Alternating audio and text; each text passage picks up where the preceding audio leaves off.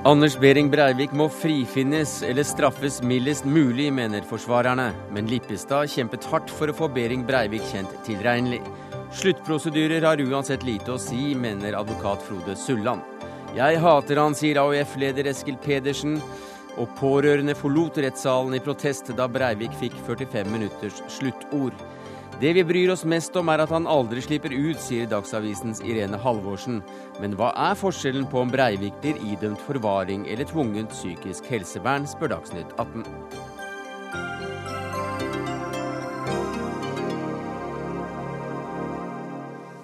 Velkommen til Dagsnytt 18, som da i sin helhet er viet denne siste dagen i rettssal 250 i Oslo tingrett og 22. juli-rettssaken. Og velkommen til oss, Bjørn Ihler. Takk. Du overlevde ikke bare Utøya, men du, du, reddet selv to gutter. Og du har fulgt eh, denne eh, rettssaken tett hver bidige dag siden 16. april. Nå er retten hevet. Hvordan er det å være ferdig med denne delen av prosessen?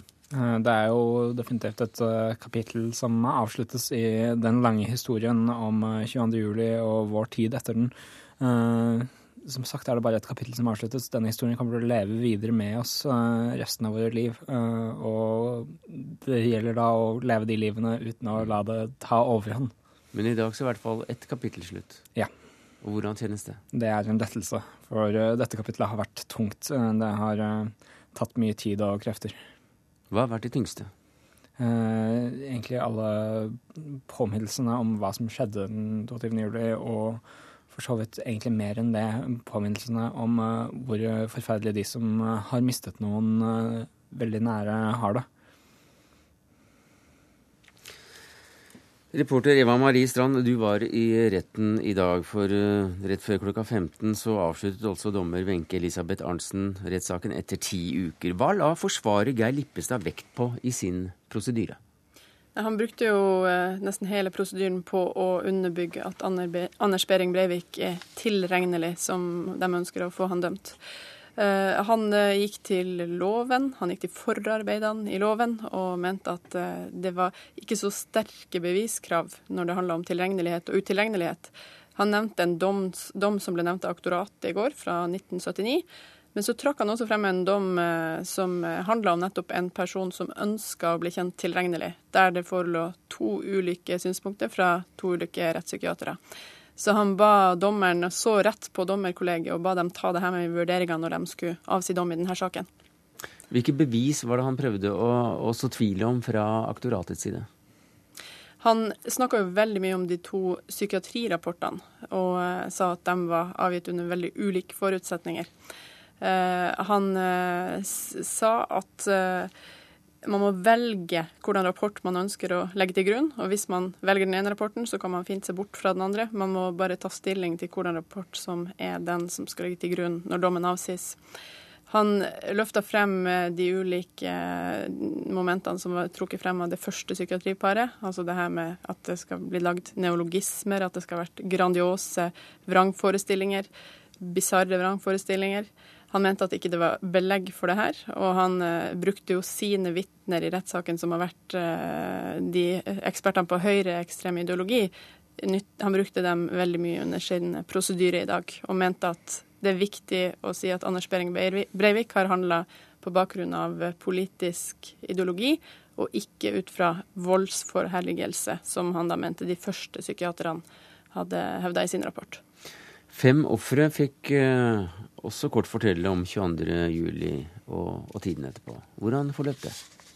Da ble det et taktskifte i rettssalen, kan man trygt si. Eh, det var sterke historier som kom frem. Jeg har lyst til å nevne spesielt vitnemål til Kirsti Løvli. Hun fikk dattera drept i regjeringskvartalet. Hun fortalte på en veldig levende måte om hvordan dattera ble drept, hvordan det gikk opp for dem, sakte, men sikkert. De, de, skjønte ikke først hva som hadde skjedd. Men når de fikk beskjeden, det var torsdagen uka etter, fikk de først vite at dattera ble drept. Og da gikk det opp for dem.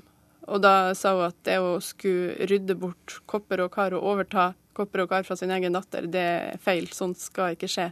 Og det å eh, skrive inn i gullskrift på en stein dattera sitt navn, det hadde hun aldri trodd hun skulle oppleve. Hvordan var det å sitte og høre på det i dag, Ilir? Det var uh, tungt og, og, vanskelig. Samtidig var det egentlig en fantastisk måte å eh, avslutte saken på. Eh, fordi man brakte tilbake den menneskelige tragedien mm. dette har vært. Det er um, fem som har forklart seg i dag. Én fikk applaus. Det var vel flere som fikk applaus, ja. Ja, det var mange. Det var eh, fra Kirsti Løvli sin forklaring, så ble det applaus etter hver forklaring etter det. Og det var en spontan applaus som starta på benkeradene foran, rett foran der jeg satt, og det spredte seg i hele salen. Vi skal eh, høre hvordan eh, forsvarer Geir Lippestad avrundet sin sluttprosedyre til forsvar av Anders Behring Breivik. Etter dette er det rett, og jeg er litt usikker på hvordan jeg skal det er ikke vanlig å legge påstand, men i og med at det er en litt spesiell situasjon, at, at vi påberoper straff og, og, og, og aktor eh, da frifinnelse, så har jeg eh, tillatt meg å foreslå følgende, som helt avslutningsvis. Påtalemyndighetens påstand om overføring av Anders Behring Breivik tvungen psykisk helsevern tas ikke til følge. Anders Behring Breivik anses på mildest mulig måte. Og det kan, vi, kan du få. Ok, Så Lippestad, du nedlegger ikke prinsipal påstand om frifinnelse, da skjønner jeg? Nei. Nei. Og Ja, unnskyld, unnskyld. Ja, nå ja. Jeg som eh, tok av meg brillene litt for tidlig, for det står her, men, men eh, det er frifinnelse, og dette er da. Så det er riktig. Og med det er det rett, eh, statsadvokater og bistandsadvokater, sier jeg tusen takk. Ja, Frode Sulland, du er eh, advokat, og du har kommentert uh, denne saken for NRK hele tiden. Hva var det egentlig som skjedde her? Det er jeg nesten litt usikker på, jeg også. Men jeg må vel ta Lippestad på ordet. At han uh, bare glapp litt fordi han ikke så ned i det påstandsskriftet han selv hadde skrevet, hvor det da var et punkt om frifinnelse aller først. Nei, For, for å rydde all tvil til side, hva var det han da til slutt gikk inn for? At han skal uh, punkt én frifinnes, mm. og da med bakgrunn i denne nødrettsanførselen, som han sa han formelt var nødt til å forholde seg til.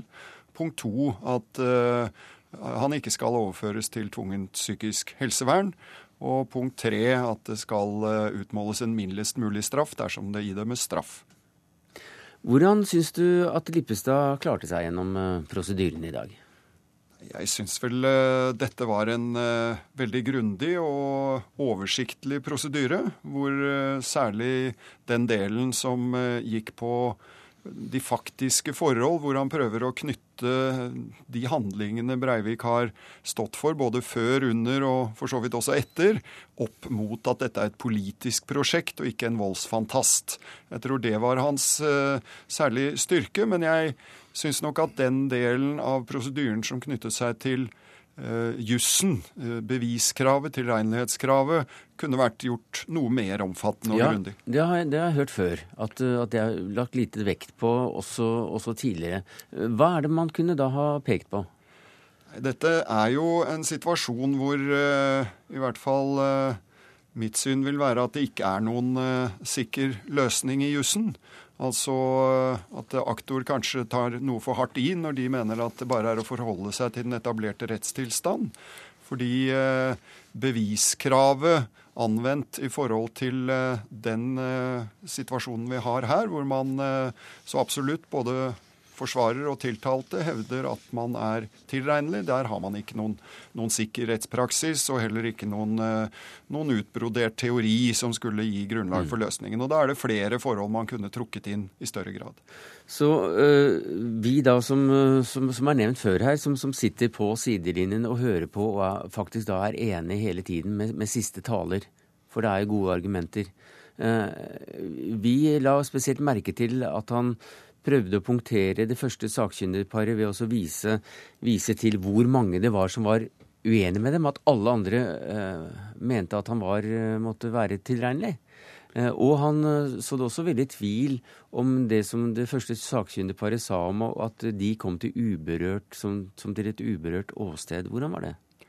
Nei, jeg, eh, dette er jo en del av hva skal vi si, den mer konkrete argumentasjonen knyttet opp mot at han ønsker å gi et bilde til retten som retten skal holde fast i, at her er det igjen ikke noe særlig tvil. Han ønsker altså å bygge opp bevisene rundt tilregnelighet på en slik måte at retten ikke skal måtte drive og file på om det er rimelig tvil, hypotetisk tvil eller ikke.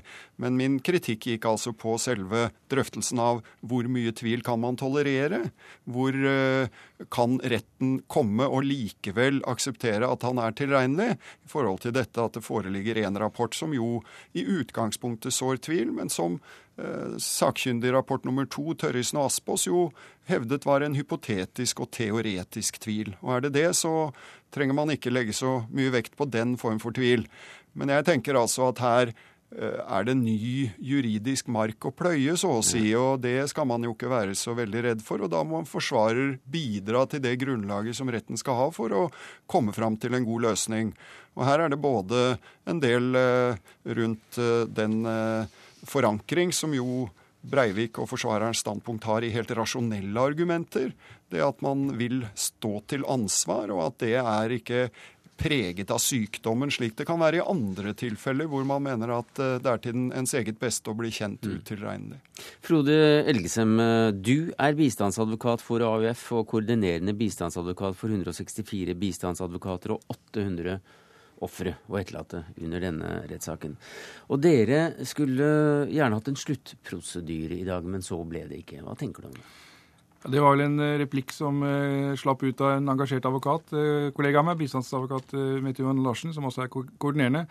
Det vært, var et tema om et, som var kort diskutert en periode, men det, sånn som denne saken ligger an, så er ikke det aktuelt. Men det er mer at vi som advokater eh, jo eh, veldig gjerne vil eh, gjøre rede for et syn på, på, slutten av en sak, men, men, men, det er helt på det rene at i denne saken så, så det, ikke, lå det ikke slik an at bistandsadvokaten skulle holde en prosedyre. Men selv om du er part i saken, hvordan vurderer du Lippestads sluttprosedyre? Jeg syns i og for seg at det var en solid prosedyre. Jeg er enig med Frode Sulland at uh, forsvareren på samme måte som aktor egentlig kunne gitt retten mer uh, argumentasjon på, på jussen og, uh, og, problematisert det mer. Det mener jeg det er rom for. Men Lippestad hadde en, en prosedyre i dag som, som, på en god måte fylte ut det aktor kom med i går. Eh, og, og, og, løftet inn sentrale problemstillinger som har med, med, med det sentrale spørsmålet tilregnelighet å gjøre, og særlig diskutere denne vrangforestillingen som da eh, aktoratet mener at det er en sannsynlighet for at eh, har foreligget hos Breivik. Og Det syns jeg var ganske bra. Men, men eh, denne saken er fortsatt slik at eh, både aktoratet og, og, forsvareren legger jo igjen mye, da både juss, men også faktum, til retten. Uh, og retten har et bevist tilfang av bevismateriale her som er Eh, uvanlig omfattende. Og som gjør at denne saken er ganske åpen, og at uh, disse prosedyrene er i og for seg viktige innlegg, men retten sitter med, med et, et, eh, svært materiale på bordet sitt som de nå skal analysere, og, og utfallet her er fortsatt åpent. Noe av det man kunne grepet fatt i, er jo bl.a. Spørsmålet om hva som er bevis, og hva som er juss. Altså i den forstand at uh, dette tvilsprinsippet kommer bare til anvendelse hvis det er tvil om faktum. Men her kan det jo også se ut som det er tvil om selve tilregnelighetsbegrepet. Det er forankret i en uh, psykiatrisk diagnose, sånn at man har gjort så å si psykiatrien til en rettsnorm. Og hvis det er tvil som knytter seg til hvordan den rettsnormen, altså hvordan selve begrepet utilregnelig eller psykotisk skal forstås, så er det ikke spørsmål om å bevise utover enhver rimelig tvil. Da er det snakk om at retten må velge det standpunkt man mener er riktig. Eh, til helt til slutt i, eh, i dag, på den siste dagen i rettssaken, så fikk eh, Breivik 45 minutter der han vel utbroderte litt uh, om, om, hva han mente med, med sitt eget standpunkt. Um, var han tjent med det, tror du? Det kommer vel an på hvem man uh, tenker han skal imponere, eller Nei, skal være hvis, tjent med i ja, forhold til. Ja, hvis han, hvis han, virkelig har tenkt å bli uh, At dommeren skal falle ned på tilregnelighet? Eh, jeg fikk ikke hørt de 45 minuttene, men jeg går vel ut fra at det var i stor grad i likhet med det han har eh, hevdet og prosedert, så å si, for retten tidligere under saken, og at ikke det vil gjøre noe særlig fra eller til i forhold til det spørsmålet. Mm. Jeg hørte de 45 minuttene, og det, det var mye kjent stoff, eh, som eh, ting han har vært inne på tidligere, både i manifestet sitt og, og under rettssaken. Så slik sett så var det vel kanskje ikke det avgjørende argumentet, men, men, eh, det gjør et visst inntrykk å høre ham prate. Og, og, hvordan det vurderes, det er vanskelig å, mm. eller hvordan retten vurderer, er vanskelig å si. Men, men, eh, jeg tenker at det var en god del kjent stoff, og, og at vi ikke var så veldig overrasket kanskje over, mm. over det som kom. Men uh, mange syns jo det er, om ikke overraskende nå, så i hvert fall uh, helt spesielt at uh, at dere som, som, er bistandsadvokater, også går for det samme som eh, forsvars advokaten?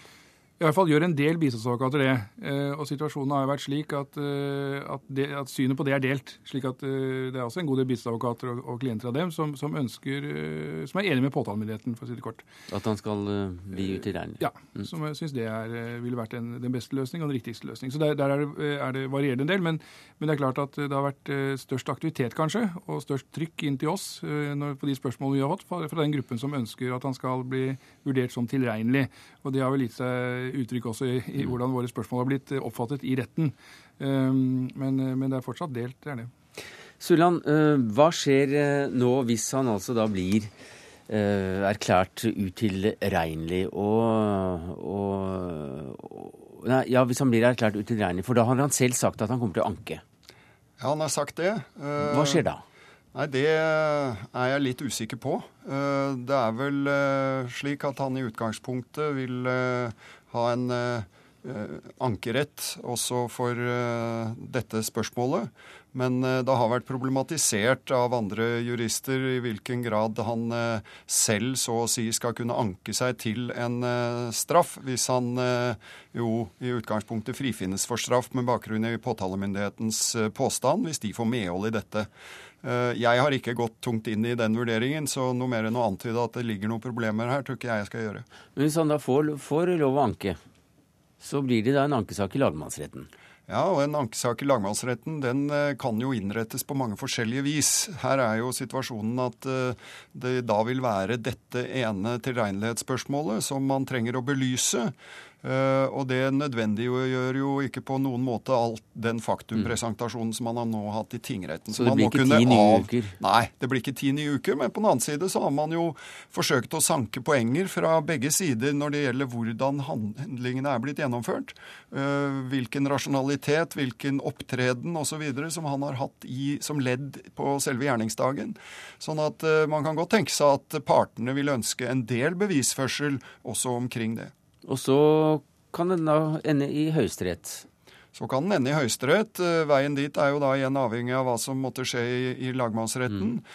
Men uh, det er klart at der vil man uh, kun anke, eller kunne anke over selve lovanvendelsen. Uh, eventuelt selvfølgelig straffeutmålingen, men den er jo ikke så veldig aktuelt at noen vil mene er interessant for Høyesterett. Siste dagen er altså da over. Hvordan har denne rettssaken vært?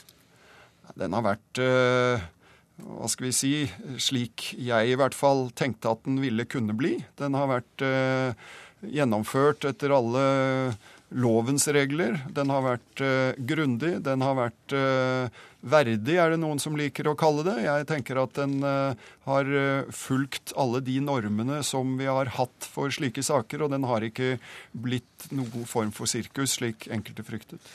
Takk skal du ha, Frode Sulland, advokat. Frode Elgesem, bistandsadvokat for AUF, blant mye annet. Ja, Breivik fikk altså, som nevnt, de siste 45 minuttene på den siste dagen til å snakke om det han var mest eh, opptatt av. Pressen fikk ikke kringkaste det han sa. Breivik snakket om den kulturelle selvforakten i Norge og trakk inn både sex og singelliv og Melodi Grand Prix. Eh, for å illustrere sine tanker, Eva Marie Strand. Du var der, du hørte hva som ble sagt. Hva brukte han minuttene til? Han begynte jo med å si at han holdt en tale på, i starten av rettssaken den 17. april, så han skulle ikke holde noe tale i dag.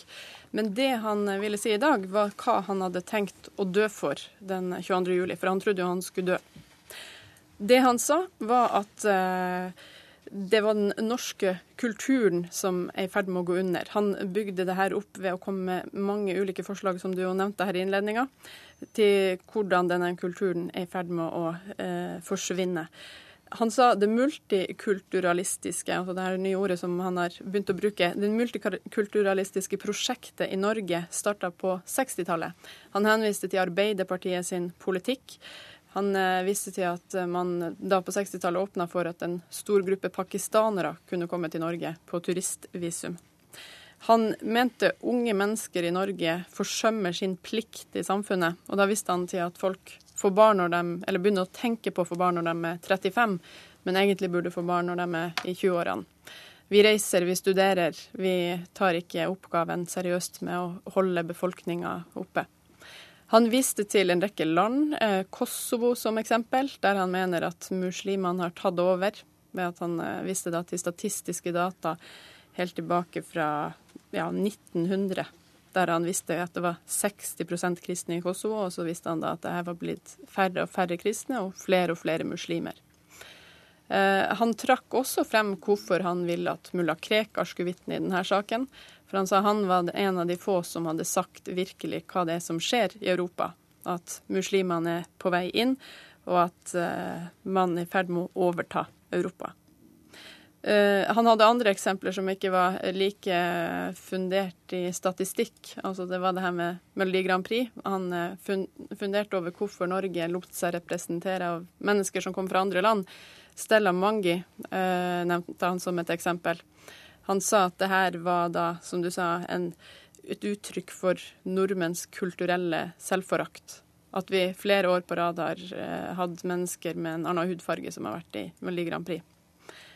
Eh, han eh, nevnte jo da det jeg sa litt tidligere, altså SSB har jo tall for hvordan den demografiske utviklinga i Europa eh, går, og også i Norge.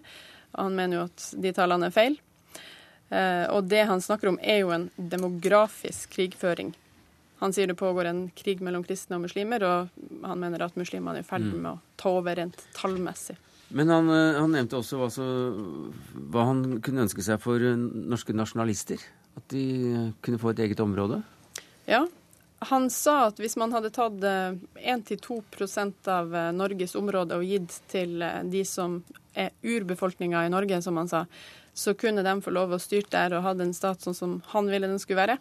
Og så kunne man da utvide det området ettersom de da fikk flere barn og ble flere. Takk skal du ha, Eva Marie Strand. Trond Blattmann, du ja. leder støttegruppa etter 22.07. Og du var da en av de mange pårørende som, som, reiste deg og gikk ut av salen før Breiviks uh, enetale. Hvorfor gjorde dere det? nå har vi hørt mye fra denne massemorderen i flere uker. Eh, de kommentarene han kommer med, fører ikke til noen ting, opplyser ingenting. Men befester bare et inntrykk at her har vi med en mann som overhodet ikke har noe medfølelse eller empati eller noe forhold til hva han har gjort. Han eh, snakker om våre barn som om de var sjakkbrikker på et sjakkbrett i en strategisk utvikling som han har bare i sitt eget hode. Eh, vi har fått nok av det. Vi forakter hva han står på og står for og, og, og tar veldig veldig sterk avstand fra hva han har gjort. Og vi fant én måte å si det på, og det var å gå ut i dag. Det var en stille, men veldig viktig markering av vår avsky for hva den mannen står for.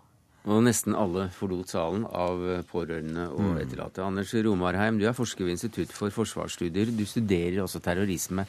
Eh, hvordan vurderer du eh, det Breivik sa til slutt her? Mm, det var eh, nok kjent stoff, spesielt for de som er kjent med manifestet. Men jeg syns retorikken og tenkningen og ideologien var mindre polert enn den har vært i rettssaken tidligere. Og så var det en utrolig spesiell kontrast når jeg fikk satt meg litt tilbake og tenkt på inntrykkene, for det som sto i fokus i retten i dag, det var ofrene. Og det var fire veldig sterke kvinner eh, som sto fram og fortalte sine historier. Det var eh, mødre mødrene til Hanne Andrine. Eh, Tonje Lana. Det var, det var, virkelig en sterk seanse. Og så slipper Breivik på banen med noe av det mest kvinnefiendtlige du kan tenke deg. Og dette har de som har lest manifestet, vært klar over at har vært der hele tiden, men han har tonet det ned. Akkurat som han har tonet ned linkene til klare rasistiske og nazistiske grupperinger eh, i de, den tidlige fasen av forklaringen. Jeg var veldig opptatt av at han ikke var det, men eh, nå er eh, alle mulige støttespillere tydeligvis greie partnere for videre samarbeid for eh, dette veldig bisarre prosjektet til Breivik. Ja, Nå som aktor har prosedert på at han er uh, utilregnelig, hvordan påvirker det hans eventuelle ideologiske kraft overfor meningsfeller? Det er eh, nok en utbredt oppfatning at en, en hva skal vi si, eh, syk eh, ideologisk leder er mindre appellerende der ute. Så det, det er et, sånn sett et litt toegget sverd. For jeg har forstått at mange av de pårørende føler at straff er riktig. Og, og jeg tilhører også de som har en tips om at tilregnelig kan, kan bli det riktige her. Men det er ikke sånn at alt er tapt om utilregnelighet blir utført utfallet. Og det syns jeg igjen de, de, pårørende og etterlatte veldig tydelig kommuniserte i retten i dag. Tilliten til at tingretten kommer til en solid slutning. Arne Johan Vetlesen, eh, du er professor i filosofi ved Universitetet i Oslo. Du har vært opptatt av ondskap i uh, ulike former i hele din yrkesaktive karriere. Hvordan er det for deg å se at det ble psykiatrien som ble det altoverskyggende i både aktoratets prosedyre i går og forsvarerens prosedyre i dag, og, og ganske store deler av hele rettssaken? Ja, vi har jo tidlig skjønt at det ville gå i den retningen at psykiatrien ville få en hovedrolle. Og jeg syns det har vært merkelig å være vitne til at det har utspilt seg til de grader. Og det ble jo et ekstra klimaks og ekstra omdreininger fordi at det var eh, to komiteer som hadde ulike konklusjoner. Så da tok det enormt mye oppmerksomhet. Og det er jo ikke vanlig hvis vi tenker på andre rettssaker mot eh, andre som har utført lignende ting og sagt at de har gjort det ut fra et ideologisk program som da har blitt saumfart psykiatrisk med hensyn til ulike diagnoser, slik det er lagt opp til tydeligvis da eh, i det norske systemet. Og jeg tenker vel at enten det nå blir en dom som konkluderer med tilregnelighet eller utilregnelighet, så syns jeg denne saken har eh, vist at eh, den rolle som rettspsykiaterne, jeg sier nå rettspsykiaterne, Altså ganske få mennesker, selv om det nå er snakk om fire, og det kunne ha vært bare snakk om to, ikke sant, får i det norske systemet, er åpent for, eh, for revisjon. Vi bør ha en, eh, en debatt om vi ønsker å, å, fortsette i dette sporet. Og det er jo selvfølgelig også spesielt at vi har en massemorder eh, for retten i Norge. Og jeg kan jo også skjønne at nettopp det faktum at han ikke har handlet under ordre, at han ikke har handlet som del av en større gruppe osv., gjør at man blir spesielt nysgjerrige på om mannen er gal. Altså Har han bare tenkt seg inn i en fantasiverden og iscenesatt alt dette selv? At det blir en nysgjerrighet omkring det, det kan jeg skjønne, men jeg tenker allikevel at uh, vi kanskje har vært for uforberedte på at han f.eks. lyver og han lyver for en hensikt. Han lyver for å skape frykt i befolkningen. Det kan også være han lyver for å holde seg interessant og for å forvirre og dermed holde oppmerksomheten om seg selv og om det han har villet gjøre. Og det har han klart ved en slik strategi. Det var jo noe av det forsvarsadvokaten også sa i dag, at det kan tenkes at han, han lyver om eh, disse tingene for å skape frykt. Og dermed så tok han, prøvde å ta brodden av at eh, det var bare inni hans hode i en slags psykotisk tilstand at han sa dette. Ja, det er eh, på en måte der eh, prosedyrene skiller veldig tydelig lag. Eh, har dette nettverket i det hele tatt eksisterer det i noen form forut for angrepet. Og da får man, eh, når man trekker det opp på det mer generelle plan, et spørsmål om det er psykologi og psykopatologi som driver dette, eller politisk ideologi. Og aktoratets eh, prosedyre var jo nesten kjemisk fri for det politiske. Jeg syns det er i overkant, men, jeg, men på et personlig grunnlag så syns jeg helt klart at det psykologiske forklaringsgrunnene har mer for seg enn de politiske. Og når, når begrepet her 'en gal mann' ble nevnt, nevnt. Eh, spørsmålet egentlig er, er ikke om han er gal eller ikke, men hvordan gal mm. han er.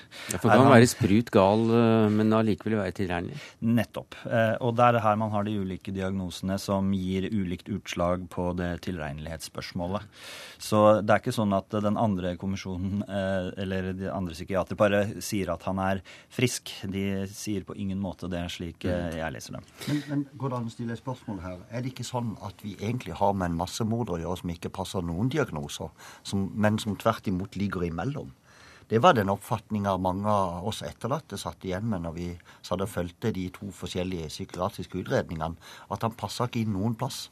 Eh, og spørsmålet er må læreboka skrives på nytt, sett i lys av hva vi har opplevd nå. Mm. Jeg, jeg, er ikke psykiater og kan ikke differensialdiagnostisere, men jeg har fulgt veldig nøye med på det og, og deler den eh, litt forvirringsfølelsen eh, som mm. i hvert fall jeg har rundt det. Eh, som terrorhandling, så er jo det her nesten uten sidestykke. Det er å angripe små barn på første skoledag i Beslan som er en av veldig få ting som har noe som kan minne om mm. bestialiteten i det angrepet her. Og i det angrepet, Eskil Pedersen, eh, så mistet du 69 av de du ledet på Utøya som AUF-formann. Eh, titalls var eh, nære venner. I rosetoget sa du at du ikke ville hate, men i dag forteller du Verdens Gang at det nettopp det er det du gjør. Kan du utdype det? At uh det har eh, selvfølgelig vært sånn at eh, jeg og veldig mange andre berørte, og også folk som ikke er berørte, har følt på både sinne og hat overfor gjerningsmannen og de handlingene som foregikk 22.07. Det tror jeg veldig mange kan forstå. Det er veldig naturlig. Hvis det bare var hatet som omslutta oss og opptok oss, så tror jeg det ville vært veldig vanskelig å Eh, stå opp noen av de dagene som har gått siden den fredagen i fjor. Eh, så vi har også fokusert på andre følelser, og vi har hatt et budskap om at kjærlighet, omtanke, samhold er det som skal få oss videre. Og det er jo det som har vært det unike svaret på terroren i Norge, som hele verden beundrer oss for. Eh, og det står igjen som en påle etter i fjor sommer. Men det må også være rom for å kjenne på uh, alt det vonde uh, og den, de mørkere sidene av et menneskets sinn. Uh, og det er klart at et menneske som har tatt 77 liv, barna, vennene, søsken til folk, da er det klart at også vi mennesker kjenner på et hat. Så det er det jeg har prøvd å kommunisere i dag. Og kanskje med den erkjennelsen av at det er en del mennesker som fra tid til annen ikke har helt følt at eh, de optimistiske verdiene har strukket til i forhold til å beskrive hvordan de selv har det. Ja, har det vært for lite rom for hat og vanskelige følelser etter 22.07, slik det er blitt eh, etter hvert? Det må hver enkelt svare på. Men det er klart at jeg har full respekt for at når vi har snakket om de viktige verdiene kjærlighet og omtanke for hverandre, som jeg tror har vært veldig essensielt for veldig mange mennesker, eh, så kan det hende at eh, det har sittet mennesker fra tid til annen og tenkt men det er ikke det jeg føler nå. Det er ikke det som passer meg. Eh, og derfor så tror jeg ikke vi nødvendigvis skulle gjort det annerledes. Jeg tror ikke vi skulle gjort om på de budskapene vi har hatt. Men jeg tror det også er viktig å si, sånn som jeg f.eks. gjør i dag, at det selvfølgelig skal være lov å kjenne på det hatet også. Mm. Takk skal du ha, Eskil Pedersen, for at du var med. Du skal inn og snakke til en AUF-forsamling. Eh, Blattmann, hva sier du til det at eh, det har vært lite rom for andre følelser, følelser som ikke akkurat kanskje man forbinder med, med verdighet? Ja, jeg vet, jeg vet ikke om jeg er enig i det. fordi at det som Eskil sier sjøl, at det må være enkelt kjenne på og få lov å uttrykke hvis man vil. Vi fikk jo noen av de følelsene presentert fra Østbø i retten her forleden. Og jeg tror det er veldig mange som har tenkt og følt og sagt akkurat det samme. Hva, det, hva, hva var det han sa? Nei, Han håpte at han kunne brenne langt innerst i helvete, sa han, eh, som en følelse. Og han hadde veldig lyst til å gi uttrykk for det. Jeg tror veldig mange hadde lyst til å si det samme som han. Og så er det sånn eh, at det norske folk eh, vi uttrykker oss på mange måter. Noen ønsker å gjøre det i full offentlighet, andre uttrykker seg eh, kanskje sammen i familie eller med venner. Og det står opp til hver enkelt å gjøre, men det er klart at vi har følt på hat, vi har følt på sinne. Men et altomgripende hat gjør ikke livene våre noe gode. Det å ha hat er forhåpentligvis en tilstand som kan gå over, for den kan bli veldig altoppslukende. Og det tror jeg er en veldig vond tilstand å være i. Å være i hat hele tida til en mann som du ikke kan verken ta på eller aller minst snakke med, det tror jeg er kjempevanskelig. Så jeg tror på mange måter, sånn som jeg har sagt, at vi har ikke brukt et sekund på å tenke på, på massemorderen. Vi har tenkt på helt andre ting, fordi at det gjør oss ikke noe godt å tenke på den mannen. Og Det var jo også en av grunnene til at vi faktisk forlot salen i, i rettssal 250 i dag. Vi orka ikke å være sammen med den mannen lenger. Vi orka ikke å høre på hva han hadde å si. For det, han, det han sier, bringer ingenting godt inn i saken. Det gjør bare vondt verre. Og så har jeg én ting jeg har lyst til å si. Der bruker et begrep som et politisk prosjekt om det han gjorde 22.07 det syns jeg er å trekke det langt. Å kalle det for et politisk prosjekt. Mm. Det var politiske Om noen ting var politisk, så var det altså henrettelser av 77 mennesker. Det var ingenting annet. Det er en massemorder vi snakker om, ingen politiker. Han er altså kanskje i beste fall en terrorist, men han er definitivt en massemorder. Derfor har vi sittet ti uker i rettssal 250 for å få dømt den mannen. Enten han nå kommer på tvungen psykisk helsevern eller 21 års forvaring, så er det en massemorder. Og det må vi aldri glemme. Så skal vi debattere politiske ekstreme syn. Vi skal debattere eh, spørsmål om rettspsykiaterens tilstand og, og makt i norsk, i norsk, rettsvesen. Og jeg tror definitivt, som min nabomann her, at her må det føres noen debatter for å se på om den eh, makta de har, faktisk er riktig, eller om man bør vurdere ting annerledes. Jeg tror også det må settes inn noen, noen lovdebatter for å se på om spørsmålet om tilregnelighet skal ha så mye å si i det norske rettssystemet som det har gjort fram til nå. Så her tror jeg vi skal føre mange debatter etter det som har skjedd. Men å kalle det et politisk prosjekt det er helt feil. Ja, For å ta tak i det med, med psykiatrien, eh, så starter jo det her med en, eh, en rapport som finner ham uh, utilregnelig, og som så blir tatt opp av kommisjonen, den rettspsykiatriske, og aktoratet stiller seg bak den og går åpent ut i mediene og sier tvilen er sådd med rapport 1, vi trenger ikke rapport 2. Eh, det er det systemet vi har fått se i aksjon.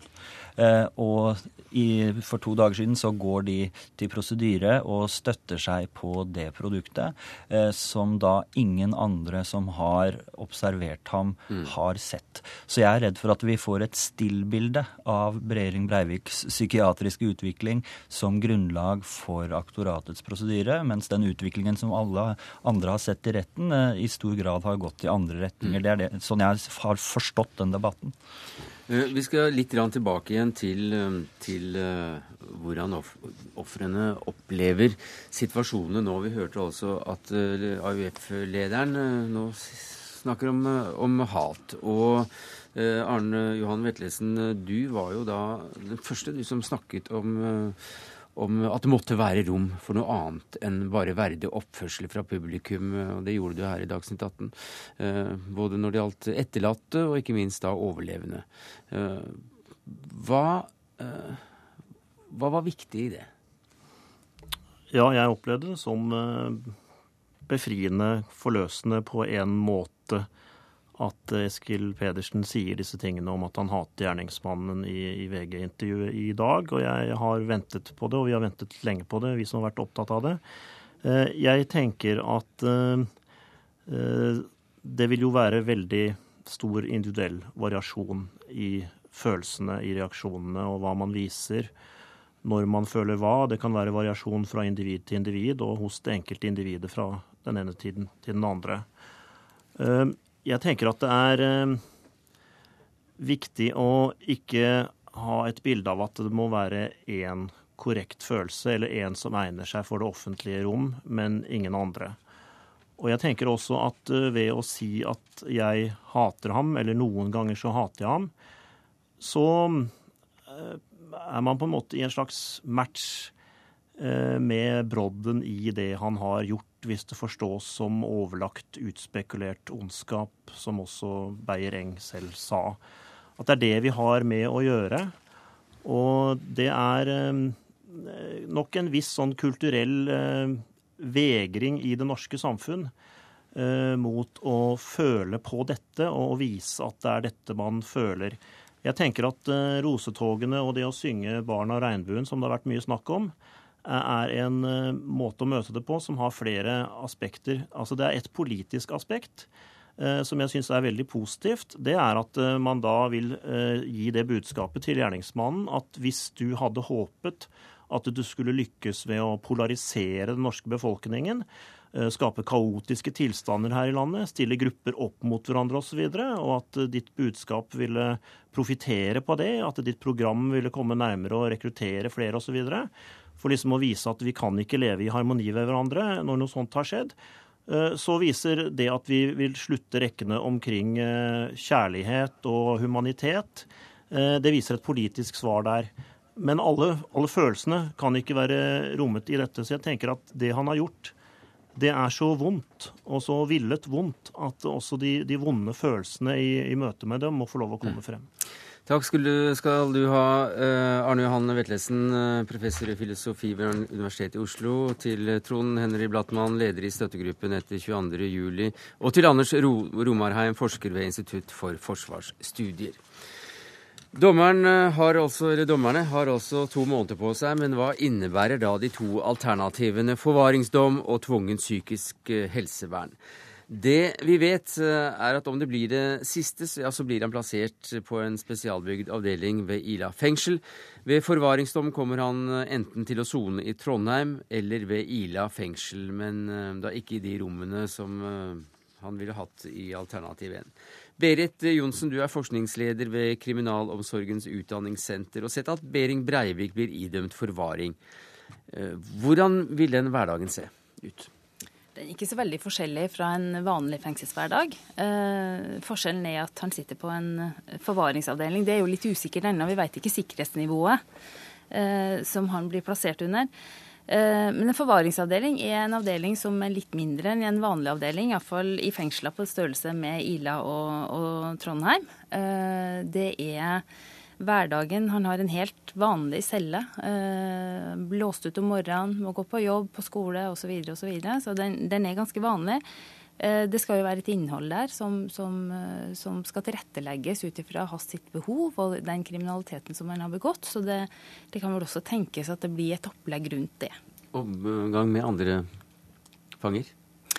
Det er usikkert ennå hvordan det blir. Det kommer alt an på, på sikkerhetsnivået som han blir underlagt nå, nå iallfall i første omgang. Eh, at han etter hvert kommer på en vanlig avdeling, det kan tenkes, det vet man ikke. Det vil nok mm. være en så fortløpende vurdering på det. Men hva da, som mange er opptatt av, eh, om å søke permisjon? Mm -hmm. Kan han slippe ut etc.? Hvordan forholder man seg til dette her? Ja, det er, I utgangspunktet så kan forvaringsdømte søke permisjon når to tredjedeler av minstetida er gjennomført. Og det vil si etter Eh, I det tilfellet her, ni av seks år, eh, så kan han søke om permisjon. Det er ikke noe selvfølge at forvaringsdømte får permisjon. Altså det, der er det mange hensyn som må tas. Hvem, hvem, er det som bestemmer det? Det er en avgjørelse som blir tatt Normalt så blir det tatt av regionalt nivå i kriminalomsorgen. Det, og det betyr? Eh, altså, Ikke fengselet, men det, da det er nivået over, altså forvaltningsnivået over, som tar den beslutninga om, mm. om, om, om man vil anbefale permisjon eller ikke. Men hvordan det er i denne saken her, det vet jeg ikke. hvordan det vil bli. Men det hele veien sikkerhetsmessig hensyn og hensynet til den allmenne rettsoppfatning som vil være styrende for om man får permisjon eller ikke. Eh, tvungen psykisk helsevern blir ansett som den, som den mykeste formen for reaksjon, Stine Kilden. Du leder koordineringsenheten for dom til behandling. Eh, hvordan blir den? Nei, Det som er fokuset der, er jo at han skal ha behandling. Eh, han skal ikke være i fengsel fordi han er ansett som syk. Um, han vil da få en dom som er av tidsubestemt, men den vil være av tre års varighet av gangen. Uh, han har da mulighet til å begjære opphør etter uh, ett år. Um, og han vil ellers bli behandlet som andre pasienter i sykehus med de lovhjemlene som er for de. Men hva skjer da eh, når en slik begjæring om opphevelse av dommen kommer, hvis eh, han da føler seg så frisk at han mener at han kan gå ut igjen? Mm. Um, han har mulighet til å begjære opphør av dommen etter et år. Da må han begjære det til påtalemyndigheten. De må da oppnevne nye sakkyndige som må se på saken. Uh, og så må de gjøre en ny uh, rettspsykiatrisk vurdering. På grunnlag av den så kan da påtalemyndigheten beslutte om de skal ta saken til retten eller beslutte opphør. Her kan vi vel kanskje tenke at det er naturlig at de tar saken til retten, og da er det domstolen som vurderer Så til tingretten, rett og slett? Tingretten, ja. Og så lagmannsretten?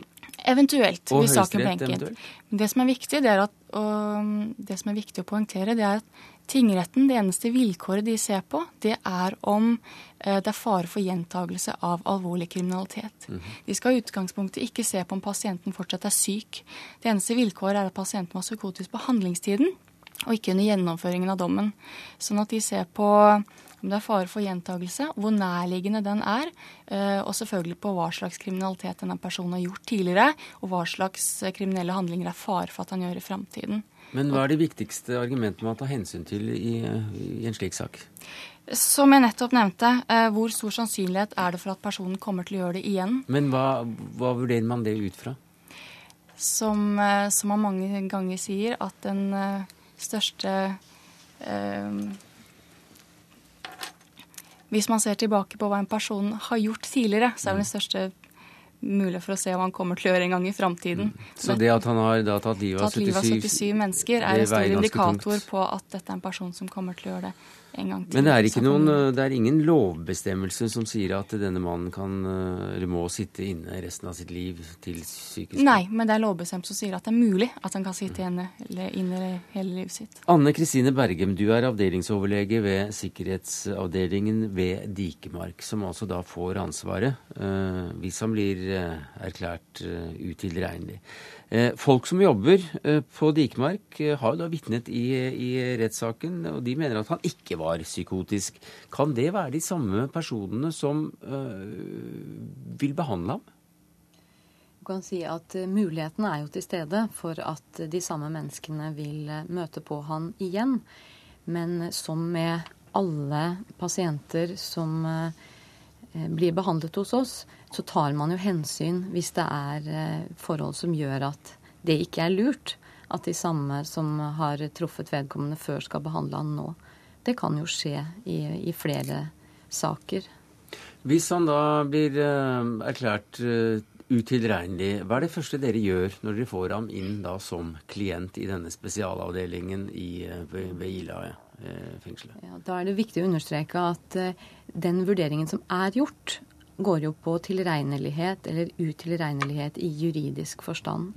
Sånn at eh, når en pasient eh, kommer til behandling hos oss, så vil vi starte vår egen psykiatriske vurdering med tanke på behandling. For skal vi behandle, må vi vite hva vi skal behandle. Og da må vi finne ut det først. Men dere har jo masse sakkyndigrapporter nå om hva som feiler han. Nei. Vi har ikke sakkyndigrapporter på hva som feiler han. Vi har sakkyndigrapporter som understreker hvorfor han er vurdert henholdsvis utilregnelig og tilregnelig. Det har ikke vært eh, de sakkyndiges mandat å finne ut hva slags behandling han skal ha. Selv om det har vært en, en naturlig del, og det har vært snakket om det i retten, så vil det være den faglige ansvarlige overlege hos oss som skal vurdere hva slags behandling han skal ha. Men det betyr vel også, eller eh, for å stille det spørsmålet slik, eh, har det hendt at dere har fått folk som er dømt eh, psykotiske eller da utilregnelige, og vurdert vedkommende og vurdert at vedkommende er frisk? Frisk er vel å ta litt i. Men det har hendt at vi har fått pasienter til vår avdeling på dom til overføring til tvunget psykisk helsevern, hvor vi har kommet eh, til den slutningen at vedkommende ikke har en grunnleggende psykoselidelse som trenger behandling, eh, og at vi da har eh, måtte dokumentert det og støttet opphøret av dommen. Så da har man gått inn for å oppheve dommen. Det har eh, ved en anledning som jeg kjenner til, så har det vært tilfellet. Det er en del eh, pasientrettigheter som eh, også er knyttet til akkurat disse reglene og bestemmelsene. F.eks.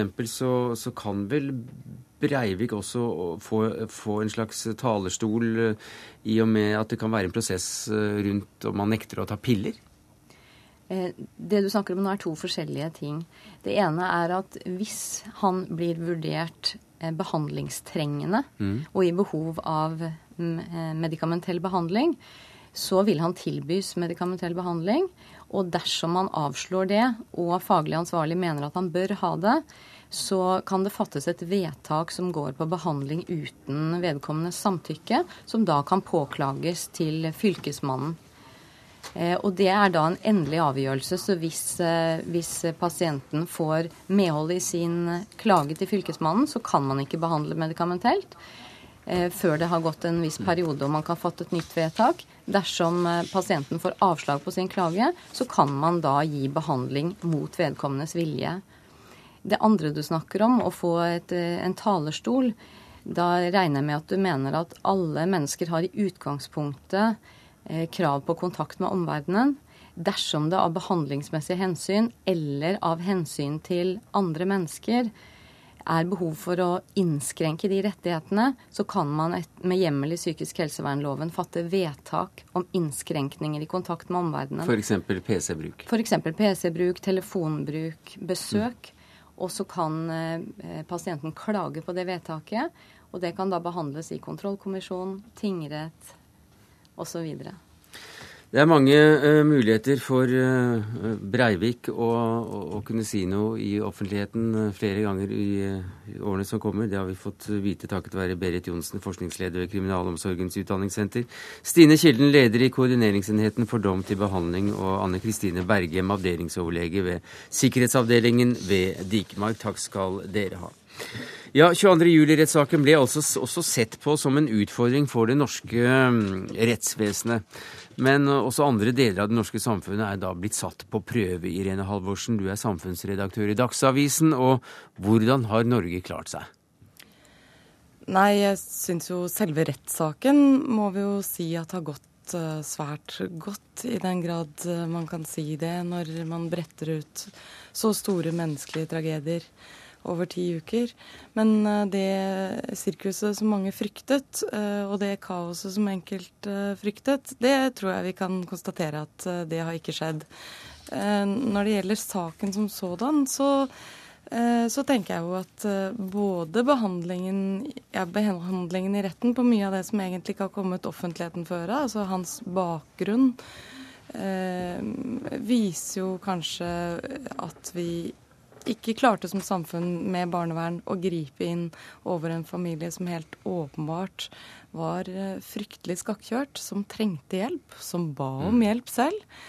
Eh, saken avdekker jo at han eh, gjennom helt siden 2006 da, systematisk planlegger en grusom terrorhandling som PST ikke klarer å avdekke. Når han da er i gang med sitt fryktelige drapsreid, så klarer ikke politiet å gripe inn. Og til sjuende og sist så får vi brettet ut eh, kanskje vår egen manglende evne til å dømme han fordi vi har et medisinsk prinsipp som gjør at eh, psykiatrisk mm. tvil slår ut som det gjør. Sånn at eh, det er jo også en Altså, det er en lettelse over at rettssaken som sådan har eh, gått som den har gjort. Men det er jo eh, også med djup sorg mm. Eh, man ser på hva som har skjedd. Harald Stanghelle, du har fulgt uh, denne saken. Jeg vet ikke om du har vært der hver dag, ja, men det har i hvert fall sett sånn ut når vi har sett på TV-bildene fra rettssal 250. Har vi klart den prøven denne rettssaken faktisk har vært for oss? Ja, det har vi. Hvordan da? Eh, vi har eh, stirra eh, Anders Behring Breivik inn i Kvitauget i 43 dager, og vi har som samfunn ikke veket det blikket. Det har vært gjennomført med rettssalens og straffesakens spesielle liturgi, og det har skapt en distanse som har gitt rom for nærhet, som har gitt rom for følelsene, og som har vist ytterligere ytterpunktene som vi så veldig sterkt i dag, mellom de sterke skjebner, mellom tragediens ufattelige omfang, men også eh, Anders Behring Breiviks helt spesielle tankeunivers. Det er ytterpunktene i dette, og som sagt, det ble demonstrert i dag. Men jeg syns at som rettsstat Eh, så har vi bestått den eh, prøven. Jeg snakker ikke om dommen, jeg snakker om gjennomføringa av ei straffesak. Men samtidig skriver du i dag med den store overskriften 'To psykiatere gjøres til dommere uten kappe'. Eh, det er vel beklagelig, eller ikke? Ja, det er et, en systemfeil, etter min oppfatning. Men det er ikke det som går på gjennomføringa av denne straffesaka. Dette går på eh, vektlegginga det er på to av mange psykiatere. Så her må vi skille mellom flere eh, tema. Det ene er gjennomføringa av eh, straffesaker, samfunnets reaksjoner, vi medienes rolle i dette, aktørene. Så er det det som eh, Irene eh, snakka om, nemlig var samfunnet forberedt, altså det som 22.07-kommisjonen skal ta stilling til. Og så er det selvfølgelig dommen som ingen av oss veit noe om i dag. Om den blir en dom som blir veldig omstridt, eller om det blir en dom som vi tenker at ja, det er sånn det må være, det er ingen av oss som kan svare på før 24.8. Men samtidig så tenker jeg at du i dag så skriver jo du om en systemfeil som vi helt sikkert kommer til å se endringer eh, på. Vi kommer jo ut fra denne rettssaken til å få eh, helt åpenbare endringer i straffeloven, f.eks. Hvor, hvor det jo eh, er med straffelovens paragraf 44 i dag, ikke sant, som har et tungt medisinsk eh, prinsipp. Grunn, vi har fått en hastebehandling av en ny eh, lov innen psykisk helsevern. Vi får endringer som følge av denne saken. Eh, vi er bare i starten av å se de endringene. Det tror jeg du har helt rett i. Og jeg håper bare at endringene blir eh, fornuftig, veloverveide. Nå mener jo jeg at innafor det juridiske regimet vi har i dag, så er det fullt mulig å dømme Behring Breivik til forvaring. Eh, her blir det retten som må veie hva, hva for vektskål og hva for type tvilsvektskål det egentlig skal, skal, skal mm. veie tyngst. Og det er eh, der man altså går opp uh, upløyd mark, så å si. Uh, men som nasjon, da, Uh, er det lettest å få disse sårene leget med hvilken dom? Eh, jeg skal vel være varsom med å tale på vegne av det store vi, sånn i hvert fall alltid. Men min opplevelse av de jeg har snakket med, da, av de som overlevde, av de som har mistet folk, så opplever jeg at de er ikke så opptatt av om han er dømmes utilregnelig eller tilregnelig. Det de er opptatt av, er at han ikke mm. skal mm. slippe fri. Og en forvaringsdom vil etter all sannsynlighet ikke føre til en anke. Ja da, jeg tror du har rett i det. Og eh, jeg tror at vi journalister og redaktører skal ofte være de siste som påtar oss å snakke for det store flertallet. Eh, men jeg tror at det er veldig avgjørende at det blir skrevet en dom som er til å forstå. Altså at mm. vi er følger resonnementet til retten før den kommer til en konklusjon. Det Takk. blir avgjørende for den videre debatten. Takk skal du ha, Harald Stanghelle, politisk redaktør i Aftenposten, og til Rena Halversen, eh, kommentator i Dagsavisen. De siste to minuttene av Dagsnytt 18 på denne siste dagen av rettssaken mot Anders Behring Breivik, altså det er en rettssak som går rett inn i historiebøkene, så skal vi hente fram deg igjen som da en av de overlevende fra Utøya kommentere eh, kommentatorene så langt. Bjørn Ihler, hva synes du om oppsummeringen? Eh, jeg syns eh, at eh, denne rettssaken har fått utrolig mye oppmerksomhet og blitt gransket godt av veldig mange. Og det har vært, kommet veldig mye gode kommentarer. Og som ble sagt her, så er det ting her vi må ta lærdom av. Eh, og som eh, må gjøres bedre hvis eh, vi er så uheldige at det blir en neste gang. Hvilket jeg virkelig håper at det ikke blir. Hva tenker du om tida framover?